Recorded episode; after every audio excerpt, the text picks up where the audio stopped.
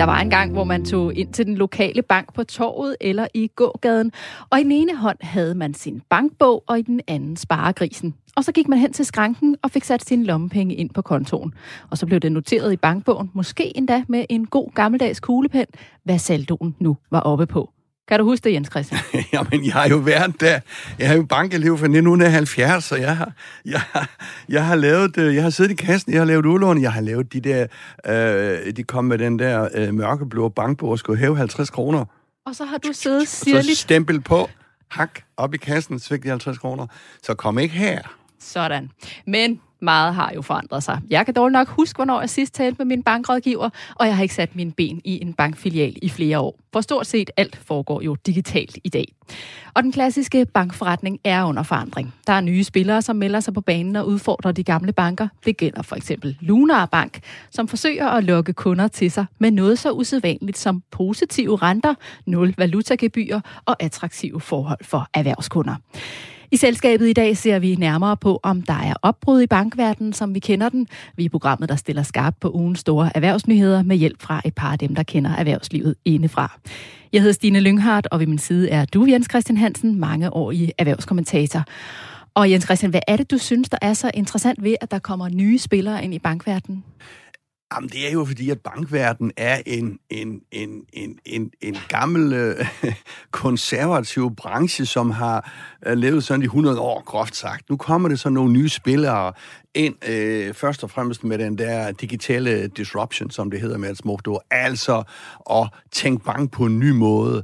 Det er, det er forfriskende, og det kunne måske være med til at, og hvad skal man sige, det kunne måske være med til at, at løfte de gamle banker lidt. Og det kan måske være lidt med til at skubbe lidt af de der blå ja, jakkesæt. Ja, ja, ja. Altså, øh, det kan vi måske vende tilbage til, men, men, men altså, det er jo nogle tunge organisationer, disse bankorganisationer, og nu kommer der så en ny ind, der er altså flere øh, på vej med den her, øh, med enorm kapital i ryggen, som, øh, som, øh, som puster til, øh, til de store drenge i klassen. Vi skal tale meget mere om det her emne i dagens program, men først skal vi lige hilse på vores to gæster. Vi har besøg af Henriette Kinunen. Hej Henriette. Hej. Du er ny her i vores panel. Du er jurist og selvstændig virksomhedsrådgiver og erhvervskommentator på Altinget. Et varmt velkommen til dig. Tak skal du have. Og også pænt goddag til Peter Supli Benson, nordisk korrespondent på Berlingske. Ja, tak. Lad os først lige få et overblik over de aktuelle erhvervsnyheder. Jeg er spændt på at høre, hvad I hver ser har bemærket i nyhedsbilledet den seneste uge tid. Jens Christian, hvad er du faldet over? Jamen, jeg er gået tilbage til en uh, rigtig god gammel kending, SAS. Vores allesammens flyselskab, vores nordiske flyselskab, som er, er så vigtigt for os, vores selvforståelse er i pengenød igen, igen, igen. Og øh, i et svagt øjeblik øh, kan jeg selvfølgelig få den tanke, at ja, jeg tror, de er i pengenød, men den nye hollandske topchef, har måske også en lille taktisk budskab med det her til at spare internt på omkostningerne, sådan at de kan få alle disse personale grupper til at sige, okay, vi skal spare på omkostningerne. Det kan I jo nok se, hvis vi skal overleve. Han bruger sådan set overlevelses, hvad skal man sige, truslen øh, i den øh, kommunikation her i hvert fald. Så det er interessant. Kan du prøve lige at sætte par ord flere, mere på, hvad det er, de har meldt ud, SAS? Ja, men de har jo meldt ud, at øh, de har en dårlig økonomi, og så har han brugt øh, dette øh, ord overlevelses, øh, øh, øh overlevelse, øh, sidste overlevelsesopgave øh, opgave her. Øh, så derfor skal de spare, spare, spare.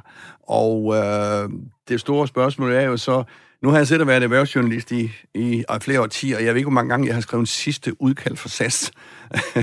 og de er der altså stadigvæk, fordi de har jo også en, en, en, en statsejerskab, en delvis statsejerskab her. Øh, nu skal vi ikke snakke SAS og statsejerskab øh, i dag, men, øh, men det, øh, det er jo et spørgsmål, vil vi have et flyselskab, øh, som er så vigtigt for lufthavnen osv. osv. Hvad tænker du her, Peter? Nå, men jeg synes, der, der er ingen tvivl om, at øh, SAS de står er økonomisk udfordret og står på det der Øh, øh, smuldrende økonomiske fundament, som så selvfølgelig er blevet udfordret yderligere under corona. Så står de, og det er der øh, spindet, om man så må sige, eller i hvert fald taktikken fra den nye topchef også kommer ind. Øh, han står og har behov for at, at skære omkostninger. Han står netop nu i forhandlinger med øh, pilotgrupperne, som han blandt andet vil have til at kunne flyve forskellige flytyper. Det er sådan noget, der er uhørt i, i den verden. Så, øh, så er der hele diskussionen om, så at sige, udflytninger af, af virksomheder, dele af SAS. De har gjort det tidligere, blandt andet i Irland det er jo medarbejderne. Ja, ja. De flytter ud. Ja, ja, det er nemlig det. Nej, men det, kan du, så, det betyder, at placerer du et selskab, et driftsselskab i Irland, så, øh, så, kan du, så skal du som medarbejder på en ny overenskomst, og så er du meget, meget billigere, end hvis du er på en dansk eller en norsk eller en svensk overenskomst. Så det, der også er i det lige nu, taktikken og timingen, det er jo altså, at han har nogle hårde forhandlinger kørende, samtidig med, at han helt sikkert gerne vil have, at, øh, at staterne de kommer med lidt ekstra penge igen igen. Så er det ikke helt tilfældigt, at det kommer ud lige nu. Hvad siger du her, Henriette? Jamen, det så vi også i går, at tillidsmændene, de var jo også ude og brokke sig og, og, og være de er irriterede over, at de her historier, de kommer ud i, i medierne, og han bruger medierne så aktivt, for det han er jo den, der har saveretten til det, hvor de jo egentlig hellere vil have, kom nu, lad os gå ind og forhandle øh, om de nye overenskomster, de nye muligheder, for selvfølgelig vil vi være med til at hjælpe virksomheden, øh, men det er ikke noget, vi gør i, i medierne, det er at, at lave forhandlingerne ulige fra starten af. Måske skal jeg lige tilføje en lille ting. SAS har fået en ny topchef. Uh, han er hollander. Og øh, det er jo sådan, øh, hvad skal man sige, god latin i, øh, hvis man kommer ind som ny topchef, så skal du lige have ryddet banen, så du ligesom kan præsentere nogle senere regnskaber, som bliver pænere. Så der er en masse øh, taktik øh, i det her, vil jeg tro. Ja. Henriette, hvad har du ellers bemærket i nyhedsbilledet? Jamen, jeg vil gerne tage fat i en, en... Nu er jeg jo et mediehus, så jeg synes, det er, det er Berlinskes overtagelse af Radio Loud, øh, og så især kritikken fra to iværksættervirksomheder, nemlig Heartbeat og, og Podimo. Øhm, og nu introducerede mig også som, som den jurist, jeg er. Det gælder jo, at når man vinder et udbud, så må man ikke... Det skal ikke være den, der, der lyver bedst, der vinder et udbud. Så, så det og hvad mener du, når du siger det? det? Det, jeg mener, det er, at når man har budt ind på et udbud, vundet et udbud, så har man jo lovet... Øh, nogle ting, man vil leve op til. Man, man har vundet på nogle forpligtelser, som man er hængt op på. Og det er jo ikke sådan, at de forpligtelser forsvinder, heller ikke selvom man får en ny ejer. Det er jo ikke sådan, nu er vi inde i Radio 4, der er nogen, I har vandt et, et udbud en gang. Det er jo ikke sådan, I kan begynde at lave en anden type radio, end det, som I egentlig har lovet, at I vil levere. Fordi det var det, der gjorde, I vandt udbud. Og det er jo den, øh, man kan sige, forpligtelse, som nu påviler Berlin skal løfte. De kan ikke bare ændre strategien eller retningslinjerne for, for Radio Loud i forhold til de kriterier, som ligger inde i, i udbuddet. Og det som også, så det er den ene vinkel, som bliver meget interessant at følge i næste uge også. Hvad er det, der kommer til at ske? Hvad går radio- eller medienævnet med til? Og den anden vinkel, så det er, det er jo så den her iværksætteragenda, hvor vi har Heartbeat og Podimo, to nye medier, som har slået sig op på at lave, lave podcast 100% privat finansieret, og som jo nu frygter, at det, som man vil gøre inde i Berlinske, det er at bygge en podcast-butik for de her 65 millioner kroner, som der følger årligt med øh, ved at overtage Radio Loud. Hvad tænker du her, Peter? Du kommer jo inden fra Berlingske. Jeg får jo løn for Berlingske, så jeg skal jo tænke på, hvad jeg nu øh, svarer. Men, men der er jo ikke tvivl om, en, en aftale som udgangspunkt er en aftale. Og, og det var en af de ting, vi så allerede for uger siden, nemlig at øh, der kom en ny chef, øh, Simon Andersen, til, til Loud. Han skal han skal, ja, han skal ikke reformere, fordi der er ikke så meget at reformere, hvis vi nu er, er relativt grove. Men, men han begyndte med en masse idéer om, hvordan tingene skulle foregå, og så var der netop nogen, der kunne hive en kontrakt frem og sige, det kan godt være, I synes, der står meget i kontrakten, og den er detaljeret, men det er jo nu engang den, som er indgået, og den, I har overholdt. Og det tror jeg, det er, det er der, jeg vil efterlade den her. Hvad siger du, Jens Christian, til den her sag? Jamen altså, det er jo, Henriette er jo lidt inde på, det er jo her, hvor noget privat og noget statsligt støder sammen. Og der skal man godt nok holde tungen lige i munden, fordi hvis du bare pumper penge ud fra staten og øh, konkurrence forvrider et, et marked, så, så er det ikke godt. Og der er en masse spørgsmål her. Nu skal vi lige have det svar fra Radio TV-nævnet her i næste uge, eller den næste uge igen, hvornår det kommer.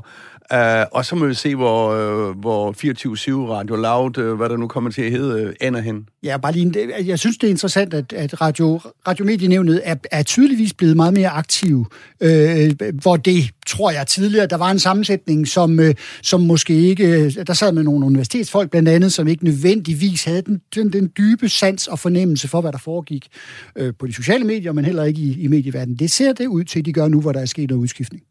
Skal vi lige nå en øh, kort nyhed også for dig, Peter? Åh, oh, jamen altså, den der minksag, som, øh, som, øh, som jo har rullet i snart lang tid, og rider øh, en statsminister øh, som en mare, tror jeg, selvom hun jo holder... Øh, jeg ved ikke, om det er god mine eller slet mine til meget slet spil, synes jeg.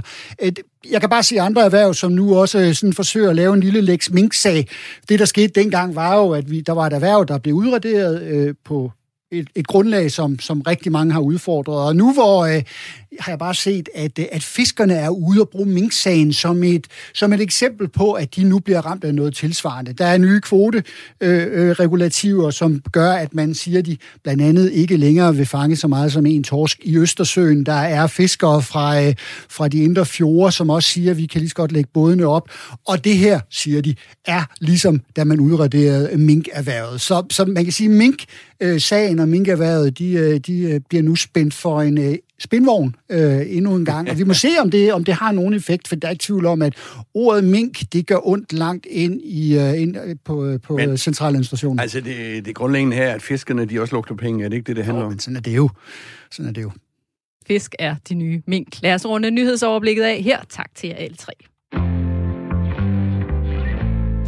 Mens store banker som Jyske Bank, Nordea og Danske Bank næsten synkront har gjort det dyrere for deres kunder at have en opsparing over en vis størrelse i banken, så forsøger en af de nyere banker, Lunar, at lokke kunderne over med et tilbud om positive renter på indskud op til 50.000 kroner, og der er også låning på nul valutagebyr og hjælp til iværksættere, der ellers kan have svært ved at låne penge i banken.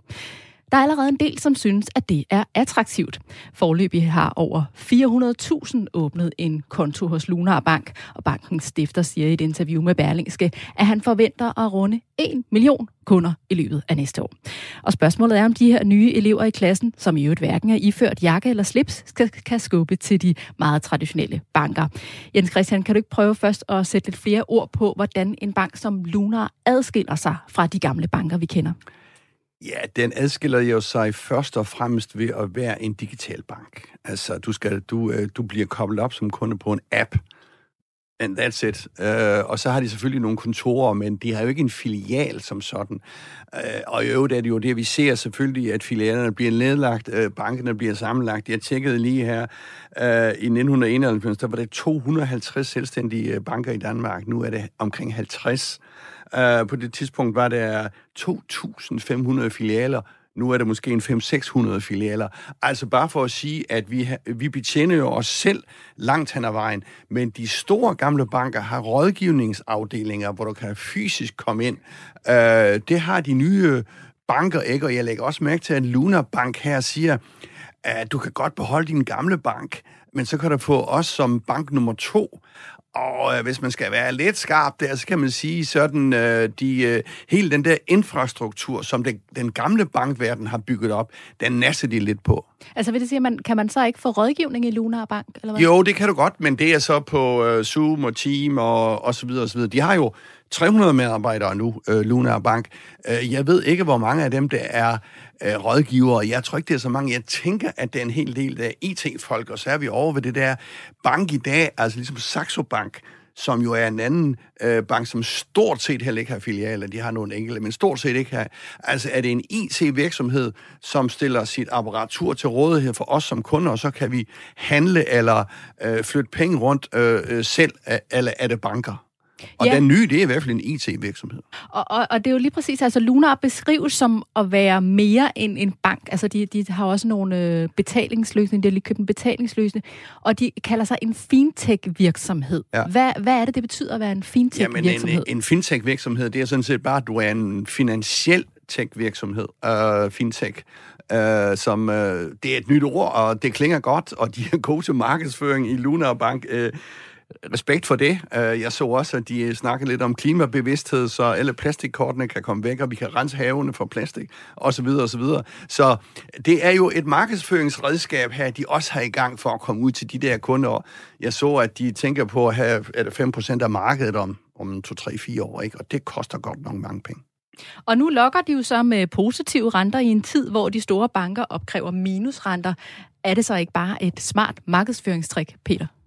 Jamen, øh, hvis øh, jeg som kunde øh, kan, kan flytte mine penge fra mit eksisterende pengeinstitut, og så, øh, og jeg får minusrente netop, og får plus, så, så er det jo en god ting. Altså, ja, i forvejen så er hele, hele banksektoren jo blevet disrupted over de sidste 25 år. Jeg kan godt huske på det der lille torv for den lille landsby, jeg kom fra i øh, syd for Aarhus. Der var, der, var der, tre, der var der tre bankafdelinger. Nu er der ikke nogen tilbage selvfølgelig. Så disruption er jo total på alle måder. Jeg er tilhænger af, at der kommer nogle opkomlinge, som virkelig udfordrer øh, øh, de gamle og de store, som jo altså de facto har monopol på en god del af den, øh, af den forretning. Jeg er tilhænger af, at der kommer forhåbentlig et kundefokus, altså et her, et mig-fokus, fordi det synes jeg er, er svært. Øh, på et tidspunkt har jeg selv øh, flyttet fra en af de helt store til et, en ganske lille andelskasse i Midtty. Jeg har haft den i måske 15 år. Jeg har aldrig været der. Øh, jeg taler så godt som aldrig i telefon med dem, men det foregår digitalt. Øh, de har en fremragende... Øh, alt foregår, alt foregår på nettet, og det, det fungerer fuldstændig optimalt. Så det er i virkeligheden også for at sige, I bliver så store, I bliver rigide, så for mig er det perfekt, der kommer nu, nye udbydere, som, som presser dem, og at de så måske tager en del af det lukrative fra de store, det kan bare tvinge de store til at justere ind. Og Henriette, tænker du, at sådan nogle nye spillere kan, kan komme ind og også skubbe til de eksisterende gamle banker? Jamen, det gør de helt klart. Altså, øh, de kommer jo med den her nye teknologi, de kommer med et nyt mindset. Øh, nu kommer, nu nævnte du det, og det er en fintech-virksomhed, og vi har jo faktisk en rigtig fin tradition i Danmark for at skabe virkelig succesfuld fintech-virksomhed. Vi har TradeShift som en, som er en unicorn, vi har Pleo på vej til at blive en unicorn, og nu har vi også øh, Luna. Og noget af det, som TradeShift blandt andet slog sig på, da de, altså stifterne har altid givet udtryk for, det er, at vi vil hellere køre i grøften, end at køre for langsomt på, på motorvejen. Så der kommer jo helt klart med det alt, hele fintech-bølgen, som de store corporate øh, banker, eller de eksisterende banker jo også har taget til sig på forskellige øh, måder at investere ind i fintech-virksomheder, tager nogle af deres produkter, som bliver udviklet og, og køber op senere. Så, så det har vi allerede set. Vi har set, at der er en vekselvirkning, og jeg tror sådan set, hvis jeg sad i, i en af de eksisterende banker, så ville jeg også sige, at det er faktisk rigtig sundt det her, fordi det får rykket os. Vi lærer noget, vi får en konkurrence, som faktisk også gør os skarpere. Og der må man også bare sige, at nogle af de eksisterende banker har jo virkelig såret i timen, øh, og ikke fået udviklet de produkter, som, som kunderne efterspørger, og især ikke det segment, som, som Luna appellerer til, nemlig de, de meget unge øh, og, og iværksætterne. Hvad siger du, Jens Christian? Ja, men altså, jeg tror da også, der er, der, der er noget i, i gang her, men, men, men jeg tænker bare på, øh, øh bankkunder hidtil i hvert fald har været utrolig lojale. Uh, øh, men nu fisker øh, Luna jo i, øh, i råt vande, kan du sige. Danske Bank er i en stor krise, identitetskrise. Det er forholdsvis let at flytte de tager kunder i øjeblikket. Handelsbanken, en stor øh, øh, svensk bank, som øh, vil sælge hele deres danske afdeling. Altså lidt uro omkring det.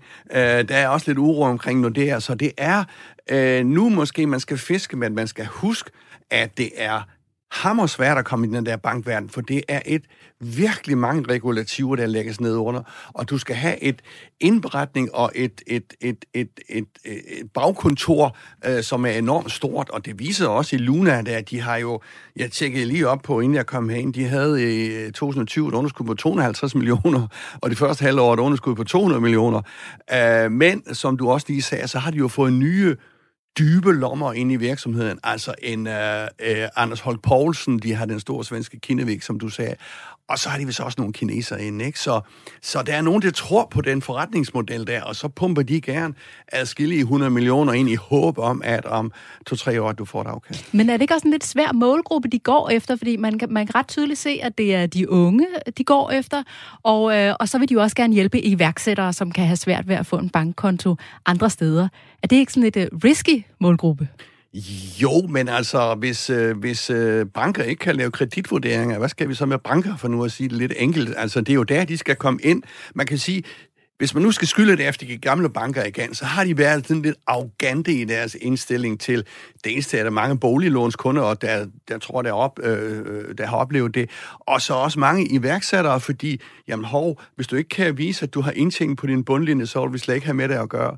Og sådan arbejder iværksættervirksomheder, ikke? Så øh, det er, øh, banker er i bad standing øh, i øjeblikket. De gamle banker er i bad standing, så det er lige nu, der skal fiskes.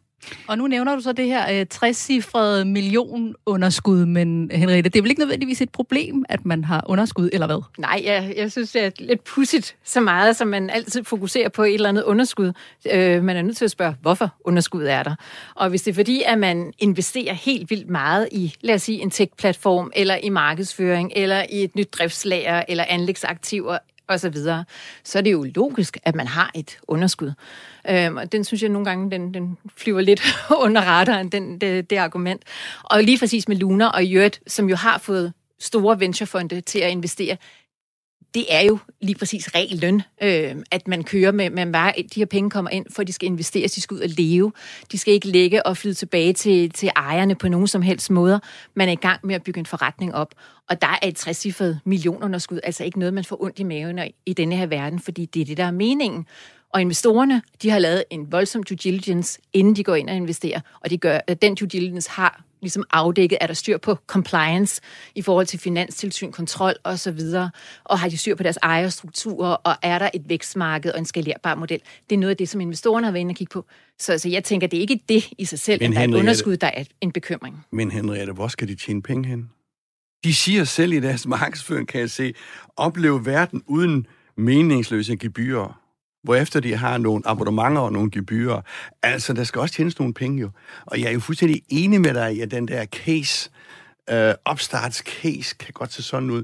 Men jeg kan godt øh, have min tvivl om, hvor de skal have indtjeningen fra. Altså, de gamle banker, de er arrogante, øh, de er tunge, men de tjener jo ikke mange penge, og de kan godt spare i omkostningerne, så vidt så godt. Men der er ikke en, øh, det er jo ikke en fed fidus at være bank i dag. Og det skal jeg ikke stå her og kunne udtale om. Jeg siger bare, at der, hvor de kigger på det, øh, investorerne, det er, er der en vækstcase, og der vil de gerne gå ind og investere.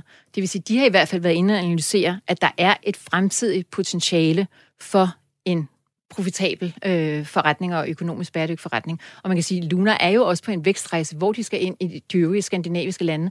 Jeg kan godt forstå, at du øh, spørger til, kan det lykkes? Og, og vi har også lige set det med, med Handelsbanken, som nu er ved at blive solgt. Den danske Handelsbank, eller den danske afdeling er ved at blive solgt.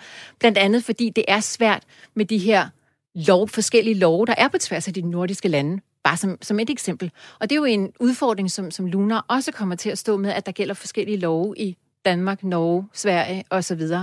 Øhm, så, så det er jo en, en udfordring, som man ikke nødvendigvis har stødt på, mens man var lille og bare var i det danske marked, men selvfølgelig kommer til at få en, en impact på, på den længere sigt. Peter, tror du, at øh, det her kommer kunderne til gode i sidste ende, at der kommer nye spillere ind, som gør ting på en anden jeg, måde? Jeg, jeg, jeg, synes, det, jeg synes, det er skønt med, med øget konkurrence. Punktum. Det var i virkeligheden det meget korte svar, ikke? Fordi, for det er godt for alle. Men, men jeg, synes, øh, jeg synes spørgsmålet er, det lyder, det lyder, det lyder jo herligt, at det vil være noget for, øh, for unge og, og kommende kunder, og, og, så for, og så for iværksættere af klimaet, det kan du så blande ind i det også. Bundlinjen er vel for pokker, at hvis Luna skal lave en reel forretning ud af det, så skal de ud og flytte på kunder. Mm. Og Jens Christian var inde på det. Vi er forfærdeligt svære at flytte på. Øh, så det vil sige, at du skal, du skal som, som ny bank ud og overbevise om, at du har nogle produkter, som kan noget. Og der kan det måske, altså der skal være noget, jeg kan mærke, før jeg vil, øh, før jeg vil flytte rundt. Øh, de skal også have en service, når jeg har behov for den. Og det er mig, der vælger, hvornår det er. Øh, som er, som er god og øh, billig, eller endnu bedre, øh, bare betalt via det, jeg nu øh, betaler for, for de øvrige bankforretninger. Så altså, de skal ud og bevise sig, før de flytter sådan nogle, øh, sådan nogle stivnakkede danske bankkunder, sådan som vi nu engang er. Og hvad skal der til for, at vi kan kalde Lunar for en succes? Er det det allerede? Nå, nej, altså, nej, prøv at høre, så skal, vi, så skal vi til at kigge på antal kunder, vi skal kigge på selvfølgelig ultimativ bundlinje, men den, den må vi godt skubbe lidt ud i tiden, ikke? Øh, øh jeg, jeg, synes, øh, jeg synes for os kunder, så er det allerede godt, at der er nogen, der går ind og faktisk råber højt og siger, vi vil være store, vi vil udfordre, vi vil lave ting på en anden måde, hvordan det så end i øvrigt kommer til at udfordre og, og vise sig i virkeligheden. Hvad tror du, Jens Christian? Hvordan vil vi se øh, banksektoren udvikle sig de kommende år, tror du?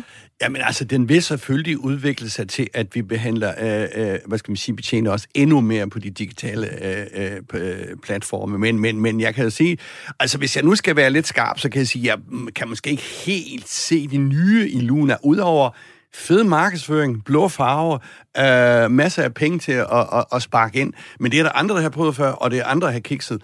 Øh, nu står jeg som en gammel sur mand, men, men øh, det er nu engang det, øh, som er mit øh, lod i tilværelsen her. Hvordan tror du, det kommer til at gå? Uh, jeg tvivler lidt på uh, projektet, for jeg kan ikke se den helt nye, fantastiske, uh, disrupted ting. Hvad er det, der forhindrer det? Er det, er det, er det et spørgsmål? Uh, er det for eksempel de mange regulativer, og der er jo ikke tvivl om, at den, den hvidværdssagen plus, øh, hvad der nu har været af, af, af, af krak i Amager og i Roskilde, og hvor pokker det ellers har været over de sidste år, den har bare ført til, at kravene er store. Så det er det, der gør, at det er svært også.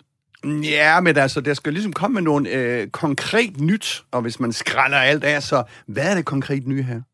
Lad os runde første emne af. Her om lidt skal vi en tur til USA, for der er de blevet nødt til at sammenlægge flere busruter, når børnene skal køres i skole, lukke restauranter tidligere, og køerne foran kassen i butikkerne vokser. Der er nemlig stor mangel på lavt lønnet arbejdskraft derovre. Det er der flere årsager til, men der var især en af årsagerne, som overraskede os på redaktionen her på selskabet.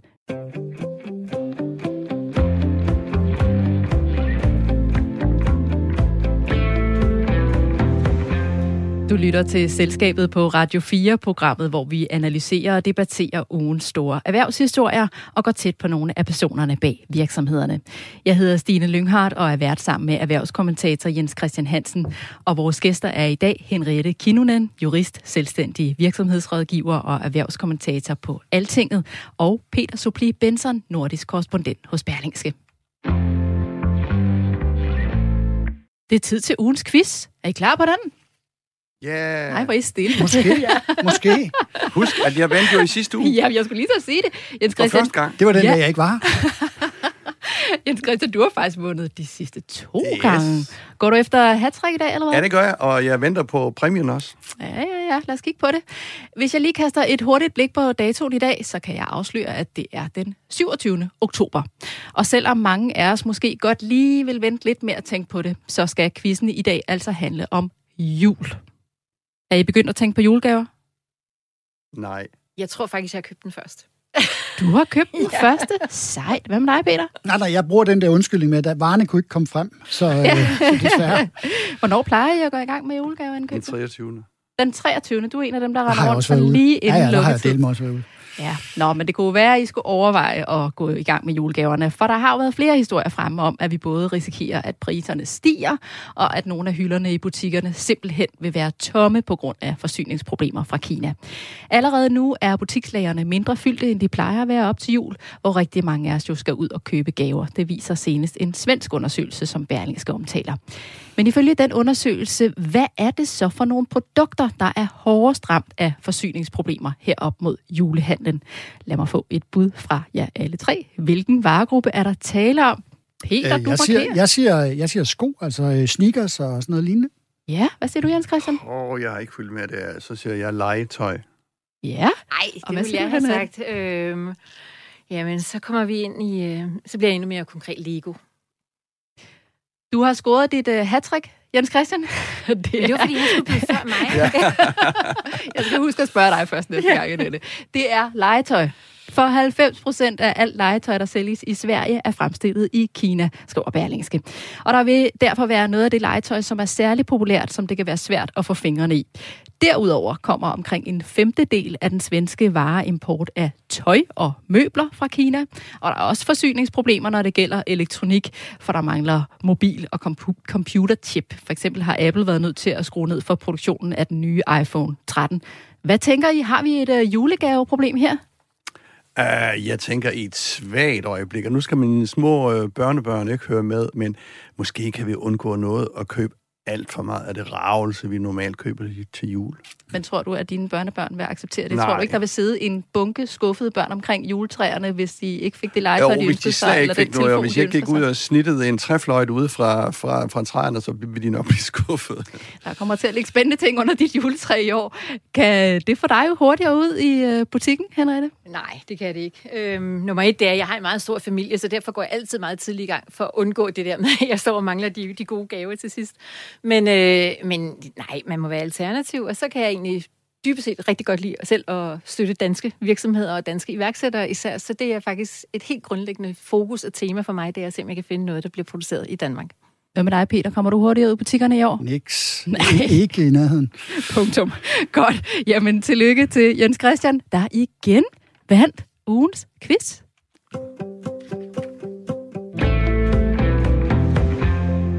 Vi har talt rigtig meget om manglen på arbejdskraft den seneste tid. Og det er ikke kun i Danmark, der er problemer med at skaffe hænder nok. I USA er der i høj grad mangel på lavt lønnet. Der er for eksempel brug for flere buschauffører, tjenere og butiksansatte. New York Times har lavet en artikel om den her udfordring, og ifølge den er der flere forklaringer på, hvorfor der mangler lavt lønnet lige nu. Men noget af det, som vi blev mærke i, Jens Christian, da vi læste artiklen, det er, at Ligesom her i Danmark, så har amerikanerne også fået flere penge mellem hænderne under coronapandemien. Blandt andet takket være hjælpepakker derover. I USA er der mange familier, som simpelthen har fået nogle checks i hånden af staten, og man har også kunne få en højere støtte, hvis man var arbejdsløs. I samme periode er både værdien af amerikanernes huse og aktiemarkedet steget. Så alt i alt er amerikanernes opsparing altså steget. Det er især de lavtlønnede, som har fået flere penge mellem hænderne, og som følge af det har en del af dem besluttet sig for slet ikke at vende tilbage til deres job. Faktisk er der rekordmange, som har sagt op efter corona-ramte verden. Og det går især ud over servicebranchen. Så nu er der altså mangel på arbejdskraft også derovre. Jens Christian, en interessant udvikling. Hvad er det, du særligt bemærker her?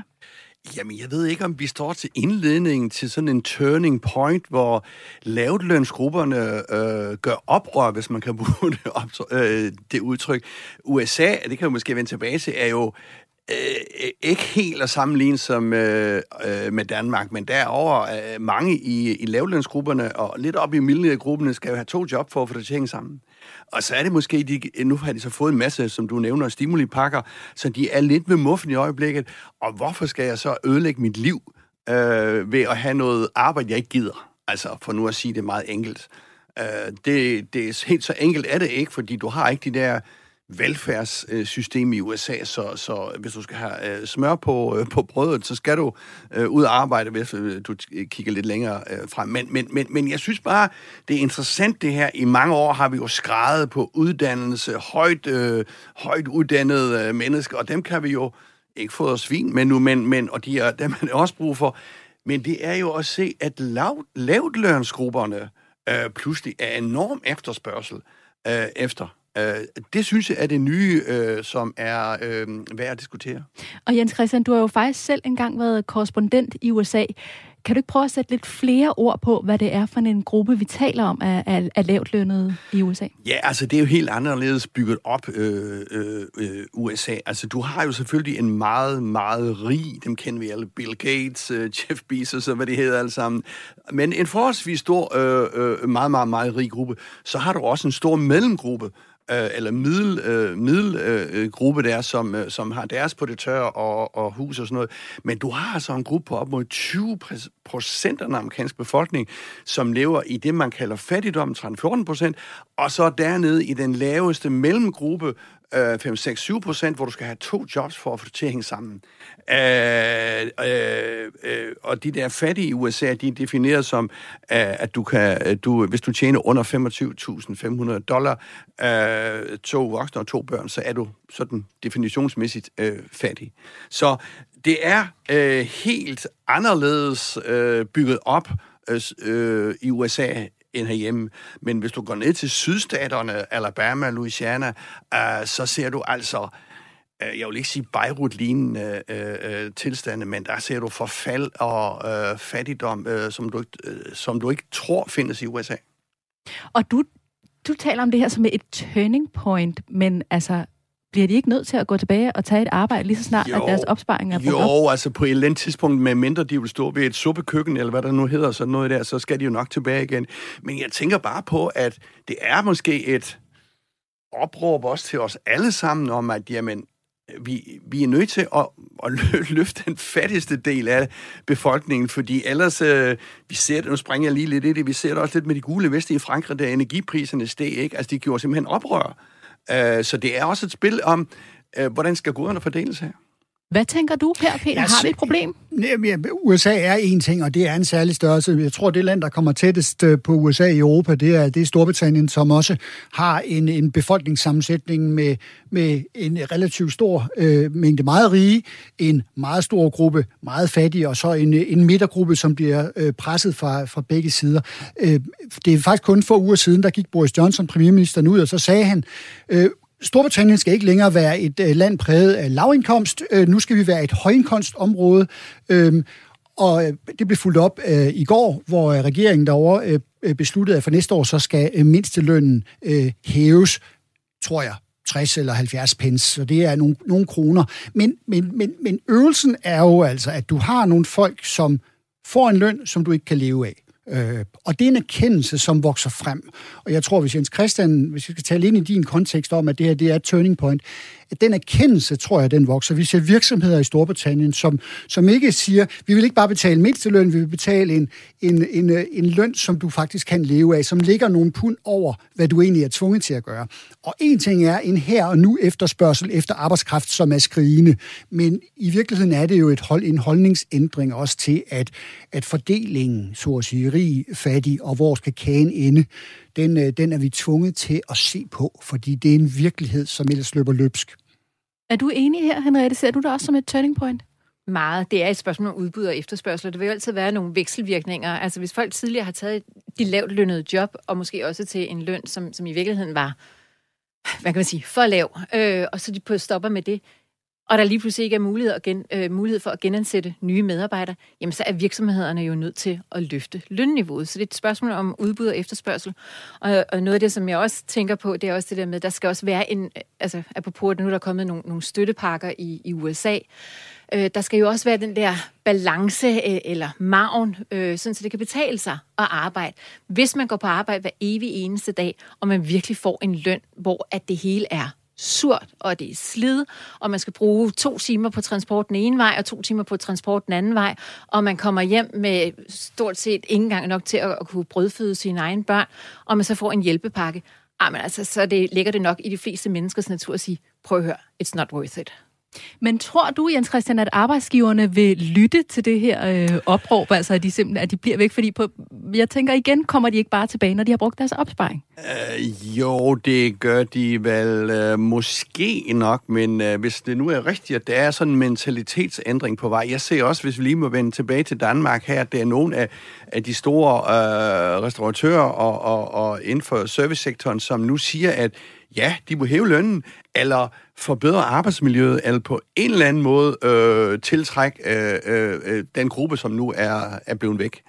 Øh, så, så, øh, men det, som jeg også vil sige, det er jo, jamen hov, vi som forbrugere skal måske være klar over, at det bliver dyrere øh, at have vores store forbrug. Altså man kan sige, en stor grund til, at vi er blevet så rige i Vesteuropa, i hvert fald nogen af os, det er jo, at et køleskab har kostet det samme i 20, 30, 40 år. Faktisk er der nogle ting, det er blevet billigere med tiden, ikke? mens vores løn alt andet lige er stiget, vores aktie er stiget, vores boligværdi er steget. Så vi er tilbage ved den der lidt fordelingsagtige politik, som, øh, som, øh, som politikerne jo øh, bliver nødt til at forholde sig til på en eller anden måde. New York Times har talt med en ung kvinde på 25 år, som er arbejdsløs og som er på udkig efter et nyt job, men hun har ikke travlt, siger hun. Hun siger, at hendes økonomiske situation er ok, og at det er 99 procent af grunden til, at hun kan være kredsen i sin jobsøgning. Indtil videre vil hun ikke tage et job med lav løn uden goder og fleksibilitet. Hvad betyder det, hvis der er, er, er mange, der ligesom har den her holdning med, at jeg kan godt være kredsen? Jamen, det kommer ind på, hvilket samfund man har. Altså, vi har jo været lidt ind på det, ikke? Altså, jeg tror bare, i USA og mange andre lande, der, øh, der skal du altså, hvis du skal have smør på brødet, så skal du altså ud og feje fortov, eller, øh, eller hvad ved jeg. Øh, øh, herhjemme, der er, er det jo mere nogle andre øh, ting, der gør sig gældende, fordi vi er så Øh, vi har jo sådan en statslig planøkonomi, kan du sige, øh, langt hen ad vejen. Ikke? Men, men altså i USA, altså, hvis de har brugt pengene, og det begynder at stramme til, så, så kommer du måske dårligere ud på arbejdsmarkedet. Så altså, der er mange implikationer af det her, synes jeg. Hvor vigtigt er det, at der fortsat er folk, som øh, vil tage de lavt lønnede jobs? Altså, var det ikke meningen, at hovedparten alligevel skulle overtages af robotter med Nej, tiden? Har vi ikke hørt det så mange gange? Forhåbentlig da ikke. Altså, jeg tror, der er, meget, der er jo meget, der selvfølgelig er blevet, blevet overtaget. Jeg, jeg synes, diskussionen, og den bliver lidt abstrakt et eller andet sted, fordi hvad pokker er et, hvad er en arbejdskraft værd, en persons arbejdskraft øh, værd? Altså, vi står, vi står der netop, hvor, hvor vareimporten fra lavt lønsområder, de gør, at, at det, så at sige, der er jo ikke nogen, der er, der er stort set ikke produktionsindustri tilbage, i hvert fald groft i, i øh, Storbritannien eller i USA. Altså, den er udkonkurreret. Men du har en masse jobfunktioner, hvor der skal stå et menneske, øh, selvom jeg også går i Føtex og forsøger øh, at komme igennem kassen, uden, øh, uden øh, der sidder en person bag kassen. Men, men, men der er behov for det. Så diskussionen er, hvor meget af den den indsats værd. Og den, øh, den, den synes jeg, den bliver der vredet, eller den bliver udfordret, den bliver i om man så må sige, hjulpet af, af den mangel på arbejdskraft, der er lige nu. Og det skaber jo til synligheden nogle, nogle ret synlige problemer i USA, at man er nødt til at lægge nogle busruter sammen, når børn skal fragtes i skole, Jamen, der er længere Seneste lille historie fra, fra London i dag er, at øh, der er en del busruter, der er blevet øh, lagt midlertidigt ned, fordi at de mangler, de mangler lastbilchauffører, og så flytter buschaufføren over i lastbilerne, som kører med mælk og alt muligt andet, til en højere løn. Virkeligheden er bare sådan nu engang. Mm. Hvad tænker du, Henriette, at, øh, at det her det kan betyde for, for væksten for USA? Jamen, der er jo ingen tvivl om, at arbejdskraften, og man har jobs, øh, at man har medarbejdere, der øh, og en befolkning, der, der kan arbejde og udfylde de jobfunktioner, som er, den er jo helt afgørende for, for vækst. Det ser vi jo øvrigt også herhjemme, og det er jo en af de ting, vi, vi taler om herhjemme, manglen på arbejdskraft, og behovet for, at vi får alle talenter i spil, også fremadrettet. For vi har simpelthen ikke råd til at lade være. Og hvor det tidligere har været en konkurrence, der måske foregik inden for landets grænser, eller måske inden for branche til branche. Så i dag, nu, nu er det her måske de lav, lavt lønnede job, vi taler om, men, men helt generelt, så, så bliver det meget mere flydende fremadrettet, hvor vi jo også taler om konkurrence mellem andre lande og på tværs af brancher osv. Så, videre. så, så der er jo ingen tvivl om, at, at man har man, man kan ikke have en stor del af befolkningen, og slet ikke med de demografiske udfordringer, som, som mange lande står overfor, også i USA, der kan du ikke have en stor del af befolkningen, der står uden for, for jobmarkedet. Men selvfølgelig vil man kunne hente noget, nu har jeg også rejst en del i, eller været en del i USA, selvfølgelig kan du hente noget på produktiviteten, øh, og, og lave dine serviceydelser om til nogle af de her job. Og der vil også være nogle robotter, men det er langt fra alt. Du, det vigtige er jo egentlig, at du får løftet befolkningen, får løftet levestandarden, fordi dermed får du også løftet væksten i samfundet. Hvordan får amerikanerne så de lavt lønnede tilbage på arbejde? Øh, jamen altså, hvis det er noget, amerikanerne øh, øh, hvad skal man sige, kan forholde sig til, så er det den der grønne dollar. Altså, penge øh, styrer alt i USA, øh, så, så hvis de hæver lønnen, så skal de nok komme tilbage. Men, men, men man må ikke lige sige, altså, jeg synes også, det er lidt interessant, øh, hvis man kigger sådan 10-20 år tilbage, så sagde man, at en robotter vil klare alle de kedelige job. Uh, og sådan er det jo ikke blevet. Vi har jo fået mange robotter, og vi er blevet mere effektive alt andet lige. Uh, og så pludselig står vi og mangler ufaglært arbejdskraft. Det er da tankevækkende, uh, så lidt uh, alle de kloge fremtidsforskere og analytikere har kunne se ud i fremtiden. Og kan vi også drage nogle paralleller her hjem til Danmark, selvom at det er to forskellige lande? Ja, det kan man vel godt. Øh, man kan vel sige det sådan, at vi har fået øje på de lavt lønnede. Altså, sygeplejersker er jo ikke lavt lønnet, men man kan jo bare sige, at, øh, fordi jeg ved ikke, hvor de får 40.000 plus minus, lidt afhængig af, hvor, hvordan man regner det. Men, men, men, men de har jo sagt, vi, vi gider ikke arbejde øh, til de penge der. Og nu mangler det sygeplejerske, og hvis jeg forstår det ret, så er det en masse, der siger op og flytter, og, og flytter væk fra det fag. Øh, så, så ja, altså vi kender det jo, vi, øh, der er jo flere hoteller, øh, der står tom, der er flere restauranter, der må lukke, simpelthen fordi de ikke kan få folk. Hvad siger du? Nå, det er jo i konkreterne, at vi egentlig forstår problematikken. Øh, og jeg synes egentlig, jeg tror, det var sidste uge, at, øh, at Jyllandsposten havde en historie, som for mig måske var ugens vigtigste, nemlig en, en sygeplejerske, som efter to-tre år øh, på, en, på en stor, et stort sygehus øh, sagde op, fordi hun sagde, jeg kan som vikar på seks dage i Norge tjene mere, end jeg får ved at drøne igennem med fast arbejde på et dansk sygehus. Og så skal jeg hilse at sige, så sidder der regionspolitikere og landspolitikere i Danmark, og arbejdsgiver måske også generelt, og bare lige tænker lidt, ups, der er altså der er ting, der faktisk kan flyde over grænsen. Nu jeg ved godt, geografien Danmark-Norge øh, gør noget også, men der er jo andre arbejdsopgaver, som, som flyder digitalt. Øh, så så, så, så vi, vi står foran øh, et tidspunkt, hvor, hvor i hvert fald nogle grupper arbejdstager, de, de kommer måske til at genvinde noget af den magt, som man godt kan have følt, at, at, at man har mistet. Er det en god udvikling?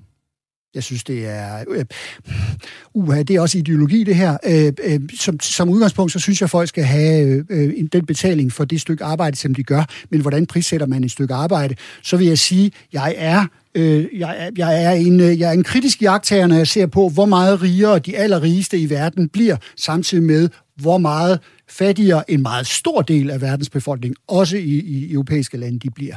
Så ja, der er behov for, at, øh, at der, der sker en nuancering. Øh, Henriette, er det her ikke en særlig vestlig udfordring, vi taler om her? Man kan i hvert fald sige, at hvis opgaverne ikke bliver løst i den vest, lad os sige Danmark eller USA, Norge, Sverige osv., jamen så er der jo et kæmpe marked uden for de vestlige lande, som er parat til at overtage mange af dem. Det er selvfølgelig ikke restaurationen, men så må den jo lukke ned. Altså, det er jo markedet, der tæller. Hvis ikke der kan, man kan få ansatte til at, at servicere en, når man går på, på restaurant, så er der ikke nogen restaurant. Den er ikke rigtig længere. Og, men omvendt, hvis man mangler IT-koder, eller noget til at bygge hjemmesider, eller noget anden IT-digitaliseringsinfrastruktur, så er der et kæmpe marked i ja, lad os sige, Indien, Kina øh, og så videre, som, som er parat til at, at tage over. Så, så øh, jeg synes på en eller anden måde, der er noget check and balance, som, som altid vil opstå, når der opstår for store lad os sige, forskelle her, udfordringer, folk, der er blevet, ble, føler sig blevet underbetalt igennem for, for lang tid. Øhm, Ja, og, og vi lever vel nok fint nok med, desværre, øh, men at restauranter lukker. Altså, det er jo ikke et, et must, at vi skal have en, en restaurant. Peter, nu ved jeg jo, at du særligt følger de nordiske lande, øh, vores nabolande. Hvordan ser det egentlig ud med mangel på arbejdskraft i, i de lande? Mm, ja, men øh, der, der er fortællingen om Sverige en helt særlig størrelse. Øh, Finland vil jeg tillade mig at holde ud af ligningen, men Sverige øh, har jo haft den her arbejds, øh, først arbejdskraftindvandring øh, fra 60'erne og 70'erne og dele af 80'erne, og så siden øh, en massiv øh, migration af folk fra, øh, fra, øh, fra tredje verdens lande. Så de, i virkeligheden så står de med en arbejdskraftreserve. Det var noget af det, som den tidligere statsminister Frederik Reinfeldt han fremhævede som et argument for, hvorfor hvorfor man skulle blive ved med at tillade øh, øh, den massive indvandring. Det er en ting, man diskuterer derovre, at, øh, at, øh, at det var en liberal tilgang, øh, liberal tilgang styret af øh, blandt andet arbejdsgiverorganisationer, der faktisk ønskede et stort udbud for dermed at kunne holde presse øh, lønningerne øh, nede. Så, det, så det er, de står i hvert fald, og de står også med en arbejdsløshed nu, også blandt de unge, som er væsentligt større end i Danmark. Norge er bare en særlig model. De er så forbandet rige, øh, og det må man bare sige, de er. Og indtægterne de næste 50 år er sikret, uanset hvad de gør, øh, uanset hvad den grønne omstilling kommer til at gøre. Så det vil sige, de har råd til at tilkøbe sig til, de, øh, til at få løst de problemer herunder arbejdskraft, som de, øh, som de måtte have. Så der har de lige nogle fordele der? Jamen altså, pokker. De har lige, de har lige haft, øh, de har lige haft en, øh, en, en en, interessant valgkamp deroppe, hvor øh, de gik fra at have en borgerlig regering, og nu har de fået en socialdemokratisk eller arbejderpartiledet regering. Og, øh, og, og det forunderlige var, at diskussionerne handlede mere om, hvad man som borger kunne miste, fordi man jo har fået så forfærdeligt meget som borger. En ting er, at man har en oliefond, der gør, at hver nordmand har, tror jeg, halvanden million øh, stående sådan indirekte på bogen bagved. Noget andet er, at du har høje lønninger, du har lave skatter, men de var allermest bange for at miste noget, og for eksempel skulle frasige sig retten til at hive olie op, fordi det vil jo have betydning for øh, alle de goder, man har i et velfærdssamfund som det norske. Så, så, øh, så, så diskussionerne pågår også deroppe, men på en, på en anden måde, end de gør øh, her eller i USA. Og hvis vi lige skal vende tilbage til, til USA, så er det jo det her med, at de så har, har fået flere penge mellem hænderne, og blandt andet har været nogle hjælpepakker, nogle checks, som øh, familierne har fået. Hvad synes du, Henriette, at balancen mellem et sikkerhedsnet og motivationen for at tjene sine egne penge skal være? Svært spørgsmål. Ja, det er et svært øh, spørgsmål, og, et, og et stort spørgsmål, så tak fordi du stiller mig det. ja, velbekomme. øhm, der er jo ikke noget entydigt svar her, men, men der skal jo være den der balance, for du har brug for, og det har et hvilket som helst land, du har brug for, at så stor en del af arbejdsstyrken er aktiv på arbejdsmarkedet, bidrager, øh, fordi det løfter levestandarden for hele landet. Øh, dermed fortsat, at der ikke er korruption og andre mekanismer, som, som gør, at markedet ikke fungerer øh, frit og, og liberalt. Øh, men, men det har du brug for. Og du har selvfølgelig også brug, som vi har set i USA, og som vi også i mange andre lande, øh, at, at der bliver ydet hjælp øh, til, til de allerfattigste. Det, øh, og der har de bare en for stor fattig del af befolkningen i USA, som vi jo slet ikke kender, kender til i, i Danmark eller, eller i Skandinavien. Øhm, så, så præcis hvor det er, det kan man ikke sige sådan umiddelbart, men, men selvfølgelig skal vi have løftet så mange over at være selvforsørgende. Øhm, og, og men jeg, jeg tror også, jeg har koncentreret mig, eller har tænkt på det lidt som nærmest et antropologisk studie, fordi det jo afhænger fra kultur til kultur, en politisk model, øh, politisk model, altså har du et velfærdssystem, eller har du et meget, hvor du, hvor du er selvforsørgende og forsikrer dig til, til din, din ydelse, som man, man har i USA.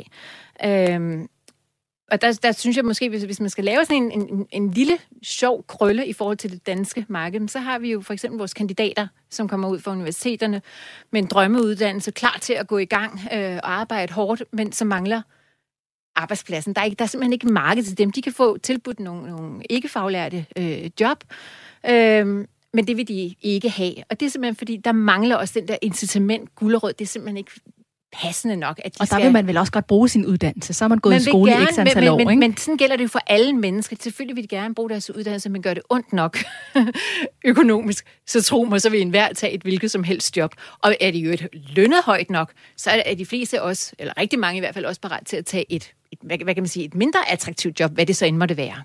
Jens Christian? Jamen altså, Stine, nu spørger du om, øh, hvad skal vi gøre for at holde væksten? Jamen altså, spørgsmålet er jo vækst versus åbne grænserne. Og nu siger jeg jo ikke, at man skal åbne grænserne, så der kommer 5 millioner. Det er ikke det, vi snakker om. Det er jo, altså, jeg tror da selv, øh, de skarpeste arbejdsgivere, i hvert fald, øh, det er dem, der råber på det, ikke tror på, at man kan løse det selv. Altså, vi skal have nogen udefra til at komme og hjælpe os øh, med at udfylde mange af de jobs. Så det bliver, hvis vi ikke vil åbne grænserne, så koster det på væksten. Det kan man også sige, den hvor, vej rundt. Hvor tror du, det hele lander i USA? Øh, jamen altså... Hvis vi står ved USA, turning point? Ja, altså det er jo sådan kæmpemæssigt... Øh, det er altså sådan øh, dollaren, der taler, så de plejer at finde ud af det, men øh, de øh, kører jo længere og længere ud på deres skældspiral, så, så det kan godt ende, det kan godt ende øh, dramatisk. Det bliver spændende at følge. Vi må se, hvad der sker på området i USA og i resten af verden. Jeg kan lige tilføje, at selvom lavtlønnet i USA har fået en større opsparing, så er der i gennemsnit tale om en opsparing på 1000 dollars, skriver New York Times. Det svarer til knap 6.500 danske kroner, og de fleste coronahjælpepakker i USA er nu ved at være udfaset. Vi skal runde af for i dag, og jeg vil gerne sige tak til vores gæster, Henriette Kinunen, jurist, selvstændig virksomhedsrådgiver og erhvervskommentator på Altinget, og Peter Supli Benson, nordisk korrespondent på Berlingske. Og tak til dig, Jens Christian. Vi ses igen på næste onsdag. Programmet her var produceret af Beam Audio Agency for Radio 4. Tak fordi du lyttede med.